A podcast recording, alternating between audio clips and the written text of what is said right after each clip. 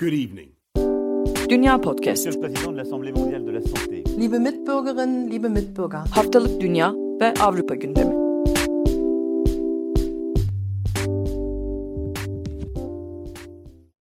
Dünya Podcast'a hoş geldiniz. Ben Seda Karatabanoğlu. Akın'la birlikte bu hafta size Fransa ve Almanya'nın gündemini aktaracağız. İngiltere gündemi ne yazık ki bu hafta podcast'ta olmayacak. Sevgili program partnerimiz Nida Dinçtürk e, ne yazık ki Covid'e yakalandı. Kendisi bir haftadır hastalıkla mücadele ediyor diyelim.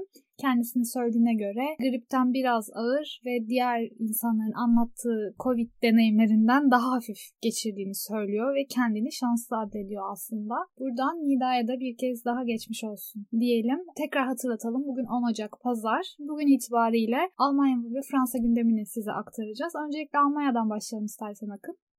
Tamamdır. Ben de Nida'ya geçmiş olsun diyeyim öncelikle. Ondan sonra Almanya'nın Covid gündemiyle başlayayım. Almanya'da 5 Ocak'ta bir toplantı düzenlendi ve bu toplantıda daha önce bitiş tarihi Ocak sonu olarak belirtilen, 10 Ocak olarak belirtilen önlemlerin süresi 31 Ocak'a kadar uzatıldı. Bu önlemlerin arasında okulların kapatılması ve dükkanların kapatılması vardı. Daha önceki programlarımızı dinleyenler hatırlayacaktır. Bu önlemlerin süresi uzatıldı ve bir ek önlem getirildi. Bu ek önlem oldukça tartışıldı. Ona gelmeye çalışacağım. Bu maddeye göre biraz havuz problemi gibi 100 bin kişi başına 200 kişiden fazla yeni vaka sayısı görülen yerlerde oturuyorsanız ikametgah adreslerinizin 15 kilometre uzağından fazlasına gitmeniz yasak. Burada bir Fransa görüyorum. 15 kilometre. evet. Saatte var mı saat sınırı? Yok saat sınırı yok. 15 kilometre var mıydı sizde? Daha mı bir dar bir aralıktı? 15 kilometre bayağı büyük aslında. Evet önce bir kilometreydi çok uzunca bir süre. iki karantinada.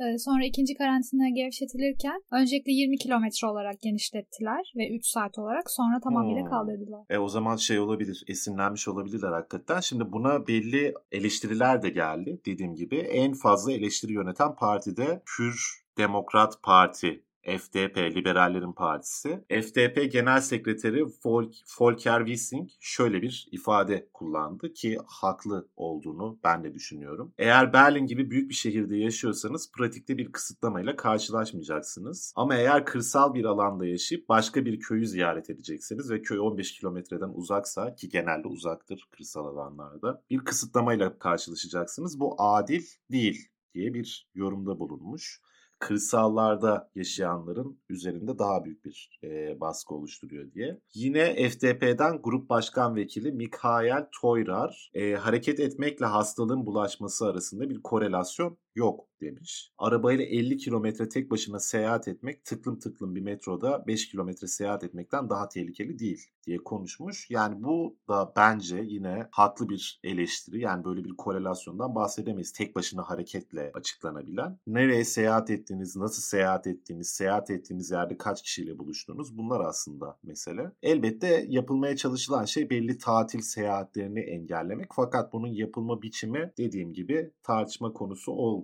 Yine Alman Polis Sendikası Başkanı Rainer Wendt de e, önlemleri ve genel olarak önlemlerin sürekli olarak arttırılmasını parça parça eleştirmiş. Ve önlemlerin yoğunluğu arttıkça polisin kontroller konusundaki isteği düşüyor. Polisin şehir girişlerinde tutup insanları kontrol etme şansı yok demiş. Yani böyle bir uygulama yapılması imkansız. Sadece rutin kontrol yapılabilir demiş. Bu da meseleyi sınırlayacak elbette. Yine Tagesschau'da bir yorum yazısı okumuştum. Onu da aktarayım. Çünkü meselenin özetini aslında orada dillendirmiş yazan kişi Björn Dake. Net bir perspektifi olmayan bir dayatma demiş bu düzenlemeler için. Kimsenin nerede neyin uygulandığını bilmediği bir senaryoda herkes istediğini yapar. Ne zaman hangi koşullarda okulların yeniden açılacağına, restoranların hizmete başlayacağına dair bir perspektif olmalı demiş. Şimdi burada doğru bir yakınma var bence de. Almanya geçtiğimiz sonbahardan beri sürekli ağız değiştiren ve sürekli sonu belli olmayan şeyleri sonu belliymiş gibi gösteren bir e, düzenlemeler toplamı izliyor. Yani başta dükkanların kapatılmasına gerek yok ilk karantinadaki gibi denirken bir anda dükkanlar kapatıldı. Kapatılırken bunun sadece geçici olduğu söylendi. Kasım'da yapılan kapatma Noel'i kurtarmak için dendi ama Noel'e de kapatmalarla girildi vesaire vesaire. Şimdi elbette bir pandemi durumundan bahsediyoruz ve bu pandemi durumu bir yere kadar kestirilebilir. Bir yerden sonra değil. Bunu anlayabilirim. Herkes de anlayabilir sanırım. Fakat sonuçta öngörmesi çok da zor olmayan bir takım şeyler var bilimsel enstitülerle uyum içinde çalışıldığında. Bu çalışma yapılmasına rağmen politik karışıklıklardan,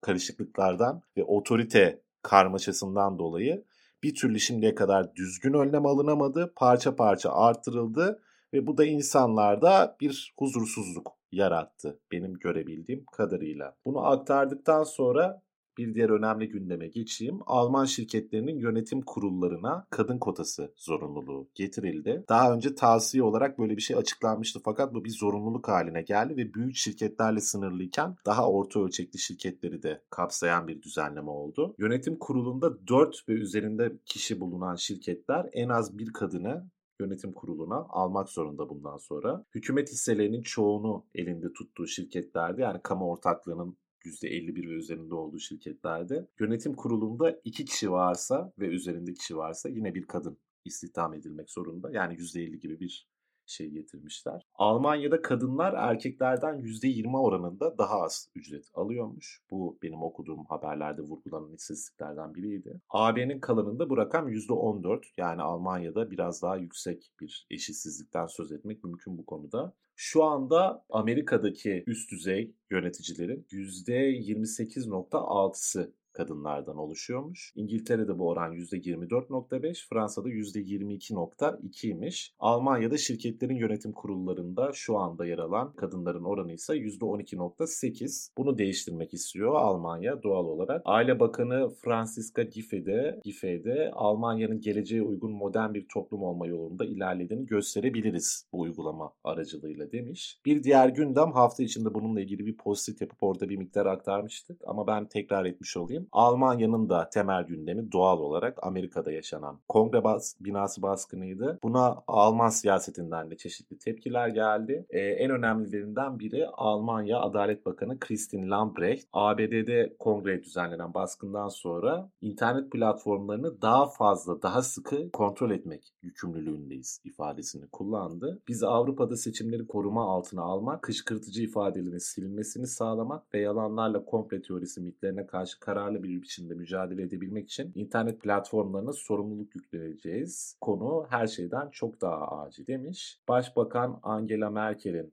açıklamasını Post'te de paylaşmıştık. Burada da söylemiş olayım. Trump'ın Kasım ayından beri yenilgiyi kabul etmemesinden ve dün de buna devam etmesinden bir sonraki gün konuşmuştu. Büyük bir üzüntü duyuyorum. Seçim sonuçları konusunda şüphe yaratıldı demiş. Demokrasinin kuralı şudur ifadesini kullanmış ayrıca seçimlerin kazananı ve kaybedeni vardır. Sonuçta kazananın demokrasi olması için iki tarafın da üstlendikleri rolü görgü ve sorumluluk duygusu içinde yerine getirmesi gerekir. Almanya Cumhurbaşkanı Frank-Walter Steinmeier da bir açıklama yaptı ve tanık olduğumuz bu görüntüler en üst düzey makam dahil yalanların giderek artan yalanların, bölücülüğün, demokrasiye hakir görmenin nefret ve kışkırtmanın sonucudur ifadesini kullanmış. Oldukça sert tepkiler geldi Almanya'dan da bu baskına. Bunu belirtmiş olayım ve Almanya gündemini kapatayım. Senin sormak istediğin bir şey yoksa. Hayır ama şeyi hatırladım sen de söylediğinde şirketlere, şirket yönetim kurullarına kadın kotasını. Onu da belki bir önceki Hı-hı. programı sosyal medyada hatırlatma olarak paylaşabiliriz dinleyicilerimizle.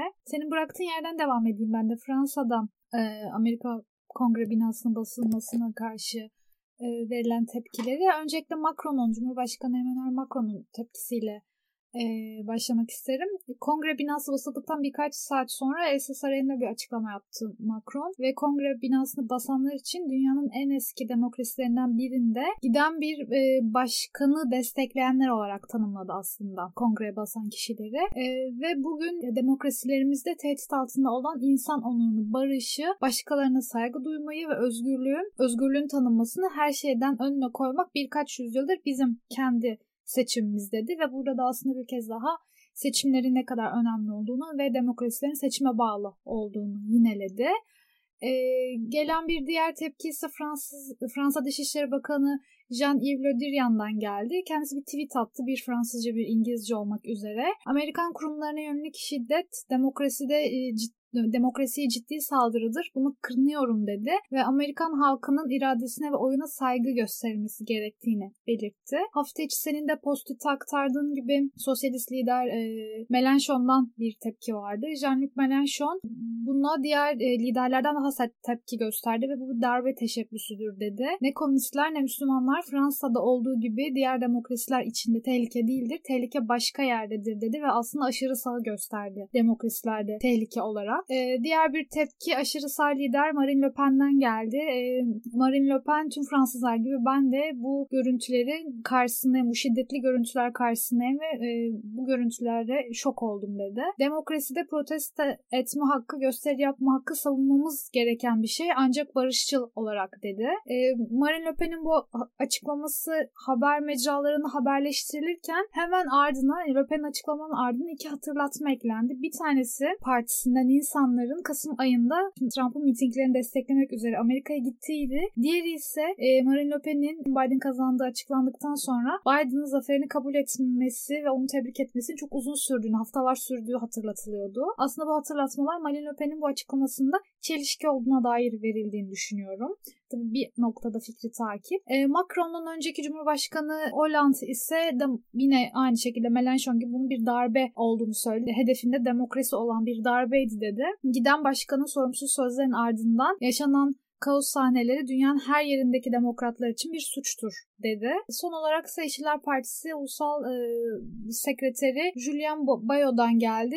Kesinti uğramış bir demokratik sürecin sonu dedi ve görüntüleri korkunç bir darbe girişimi olarak tanımladı. Tabii ki bizim sabit gündemimiz Covid'e geçmek istiyorum. Fransa'da da aslında karantina yani Fransız Fransızların söylediği şekliyle konfirmon, 3. konfirmon e, gündemde. Çünkü Fransa'da vaka sayıları bu dönemde aslında 5000'e düşürülmesi hedefleniyordu. Ekim başında girdiğimiz, pardon Ekim sonunda girdiğimiz karantinada 28 Kasım'da ilk gevşeme olmuştu. İkinci gevşeme 15 Aralık'taydı ve 20 Ocak'ta bir üçüncü aşama bekleniyordu. Ancak bu plan tamamıyla şu an çöp oldu diyebilirim. Çünkü bu tarihlere uygun ilerlemiyor esnemeler. Hatta yeni kısıtlamalar bekleniyor Ocak sonunda.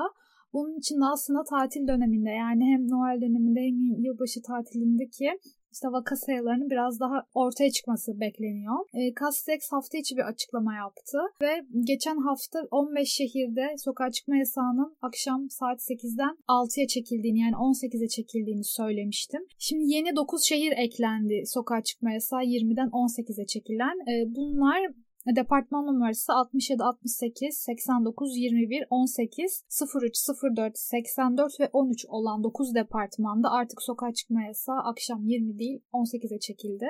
Ve buna bağlı olarak aslında yerel yöneticiler yani valiler durumun gidişatına göre kendileri de 18'e çekebiliyorlar ya da kendileri 18'den e, akşam 8'e yükseltebiliyorlar, 20'ye yükseltebiliyorlar durum. Yerel yöneticilerin de böyle bir e, yetkisi var diyelim. Fransa'da yapılan bir araştırmaya göre Fransızların %73'ü 3. bir konfirman olası olduğunu düşünüyor. Yine ankete katılanların %54'ü de salgın durdurmak için 3. E, bir hapis cezasının mümkün olduğunu yani bundan yana olduklarını söylüyorlar. Biz bu kaydı 10 Ocak'ta yapıyoruz. Bir gün önce yani 9 Ocak'ta Fransa'da 20.177 vaka kaydedildi ve 168 kişi hayatını kaybetti. Yine Fransa'da bu olası 3. konfirmanın bu kadar e, net olarak tartışıyor olmasının sebebi tabii ki bilim insanlarının yaptığı açıklamalar. Fransa Bilim Konseyi Başkanı Jean-François Dalfreze e, çarşamba günü e, Frans 2 kanalına katıldı ve önümüzdeki haftanın ortalarında salgının genişlemesini önlemek için tedbirler sıkılaştırılabilir dedi. Yine genetik e, alanında çalışan Aksel Kan da televizyonda bir açıklama yaptı ve üçüncü konfirmasyon kesin değil ancak olasılığı da hiç uzak değil dedi. Yani aslında insanlar yavaş yavaş bunu hazırlıyorlar.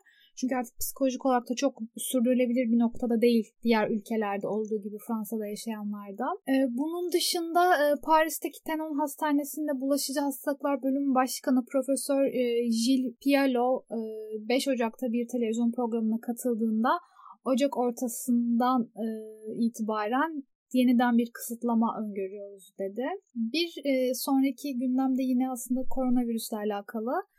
Normalde Aralık ayında e, okuduğum kadarıyla Avrupa Birliği'nin Ocak ayı içinde Moderna'ya onay vermeyeceği yani onay inceleme sürecinin yetişmeyeceğine dair haberler okuyordum. Ancak e, Amerika'da üretilen Moderna aşısı Avrupa Birliği'nden onay aldı. Euronews Türkçe'den Bahtiyar Küçük e, bununla ilgili detaylı bir haber hazırlamıştı. Pfizer ve BioNTech aşısından sonra ABD onay alan ikinci aşı aslında Moderna ve Avrupa Birliği toplamda 80 milyon doz opsiyonlu olmak üzere 60 milyon doz Moderna aşı siparişi verdi. E, Avrupa İlaç Ajansı'nın incelemelerinden sonra açıkladığı e, yan etkilere göre enjeksiyon bölgesinde ağrı, şişlik, yorgunluk, titreme, ateş, kol altında şişkinlik ve hafif e, hassas lenf e, düğümleri olarak açıkladı Moderna'nın yan etkilerini. E, bir sonraki gündem ise aslında Fransa'da çok sık tartışılan e, Fransa'nın da sabit gündemlerinden bir diyebileceğimiz bir konu.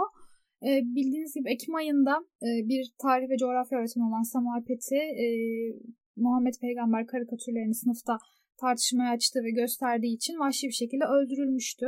Bunun ardından Fransa'da bir araştırma yapıldı.